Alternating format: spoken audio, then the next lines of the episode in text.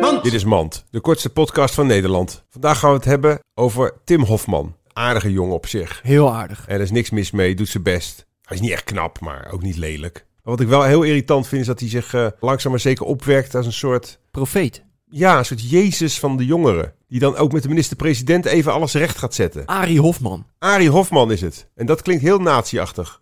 Dus kijk maar uit, eh, Timmy. Dit was Mand. Mand.